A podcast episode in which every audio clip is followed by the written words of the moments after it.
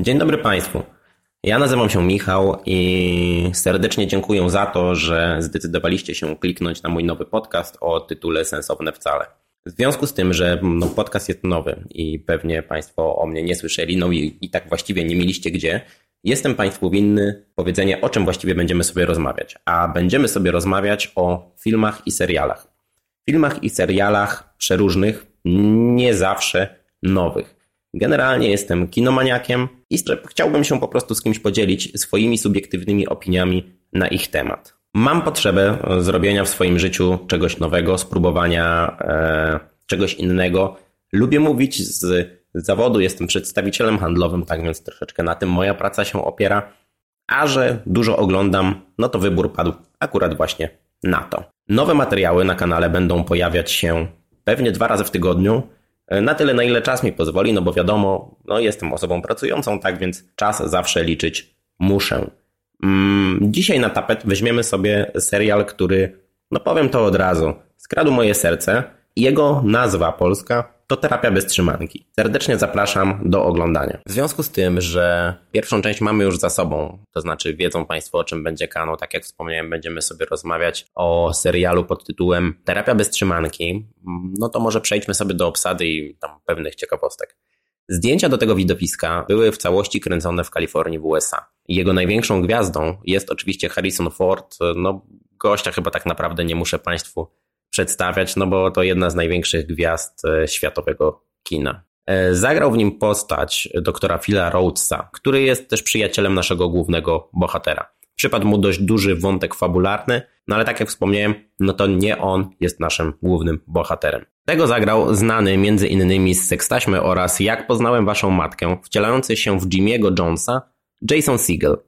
Inne warte wspomnienia postacie grane są tutaj przez Lukitę Maxwell, Kristen Miller, Jessica Williams, Michaela Uri oraz Luca Tenney. Więc e, co tak właściwie w tym serialu mi się podoba? Bo wspomniałem wcześniej, że no, urzekł mnie. A to chyba też dlatego, że serial dotyka naprawdę przyziemnych spraw i normalnych ludzi. Myślę, że zdecydowana większość z nas mogła, ma takie problemy, bądź zna kogoś, kto takie problemy ma, co, posiada, co pomaga nam w utożsamianiu się z tymi postaciami, które występują na ekranie. Przywiązujemy się do nich i wydaje mi się, że właśnie o to chodzi tak de facto w całym kinie. Tyczy się to praktycznie wszystkich postaci, które widujemy na ekranie. Zdecydowanie na plus e, zaliczam też wszystkie relacje pomiędzy poszczególnymi bohaterami. To jest chyba największa zaleta tego serialu. Praktycznie nie jestem w stanie wskazać tutaj wątku, w którym czegoś by mi brakowało. Może z jedną taką gwiazdką, o której powiem na samym końcu. Jednak gdybym miał wyróżnić jakieś powiedzmy dwie, to przede wszystkim byłaby tu postać, która jest grana przez Harrisona Forda, e, Phil Rhodes. Mogę być lekko nieobiektywny, no bo gościa uwielbiam, tak jak mówiłem, przedstawiać go nie trzeba. E, Indiana Jones na zawsze, tak swoją drogą. W serialu jest osobą raczej szorstką, nie okazującą swoich uczuć, e, ale jest też przedstawiony jako osoba, która również ma swoje problemy. I jest taki moment e, w serialu, w którym on potajemnie spotyka się z córką Jimiego, czyli Alice, ponieważ pomaga jej radzić sobie z tym wszystkim, co dzieje się w domu. Dzięki tym spotkaniom on też przechodzi pewną drogę, zmienia się i stara naprawić relacje z własną córką. No i drugim wątkiem, który, który na pewno przypadł mi bardzo mocno do gustu, jest właśnie wątek Alice, czyli córki naszego głównego bohatera. Pewnie dlatego, że dostała też dosyć dużo czasu ekranowego, no bo jest jego córką, więc chcąc, nie chcąc, oni się spotykają najczęściej, są domownikami i tak dalej, i tak dalej. Mm, ale ta relacja pokazuje pięknie, jaką drogę przechodzi nasz bohater, jak bardzo w początkowej fazie jest skupiony na sobie.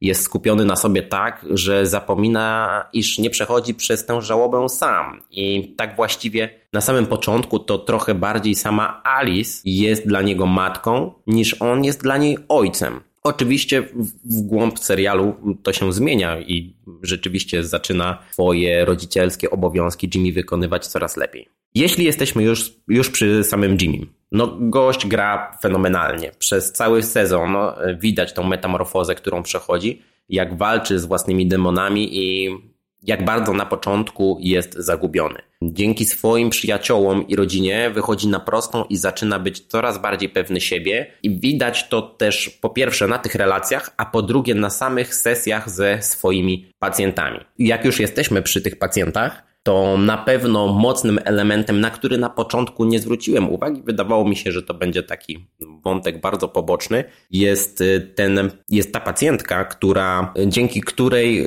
Jimmy zaczyna walić bez ogródek, tak? Mówić im wszystko prosto z mostu.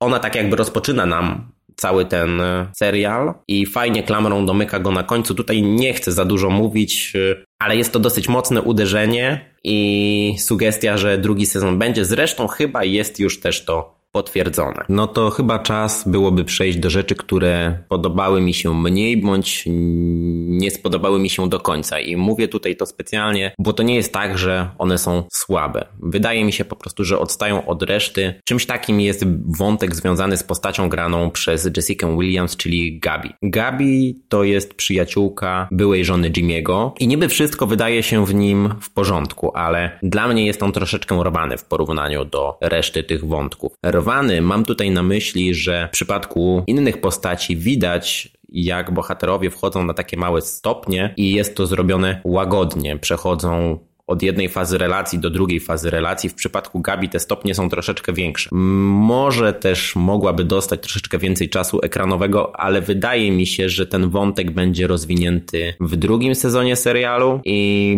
bardzo na to czekam. Gdybym miał się jeszcze do czegoś przyczepić trochę na siłę, to pewnie byłaby to Liz. Liz, bo bywa czasami troszeczkę upierdliwa, ale też wydaje mi się, że raczej w taki słodki sposób, tak więc to by było tutaj na tyle. I tym płynnym krokiem tak właściwie możemy przejść sobie już do podsumowania. I ja tak samo jak i Jimmy powiem to bez ogródek, jest to jeden z lepszych seriali, jakie oglądałem od początku tego roku. Na myśl bardzo przywodzi mi inny serial, który nazywa się Dekomiński Metod, którym główną rolę gra Michael Douglas. Moim subiektywnym zdaniem obydwa seriale mają ze sobą wiele wspólnego, a to jest niebyle komplement. Serial jest zdecydowanie dla każdego, jest w nim wiele emocji, zarówno tych pozytywnych, jak i negatywnych. Serial serial wzrusza, serial smuci, raduje, a także sprawia, że nawet w trakcie trwania tego widowiska być może sami zastanowicie się nad sobą i sprawami, które które Was dotyczą. Nie ukrywam, że z wielką chęcią będę czekał na sezon drugi. Chciałbym zobaczyć, co się będzie działo z tymi postaciami.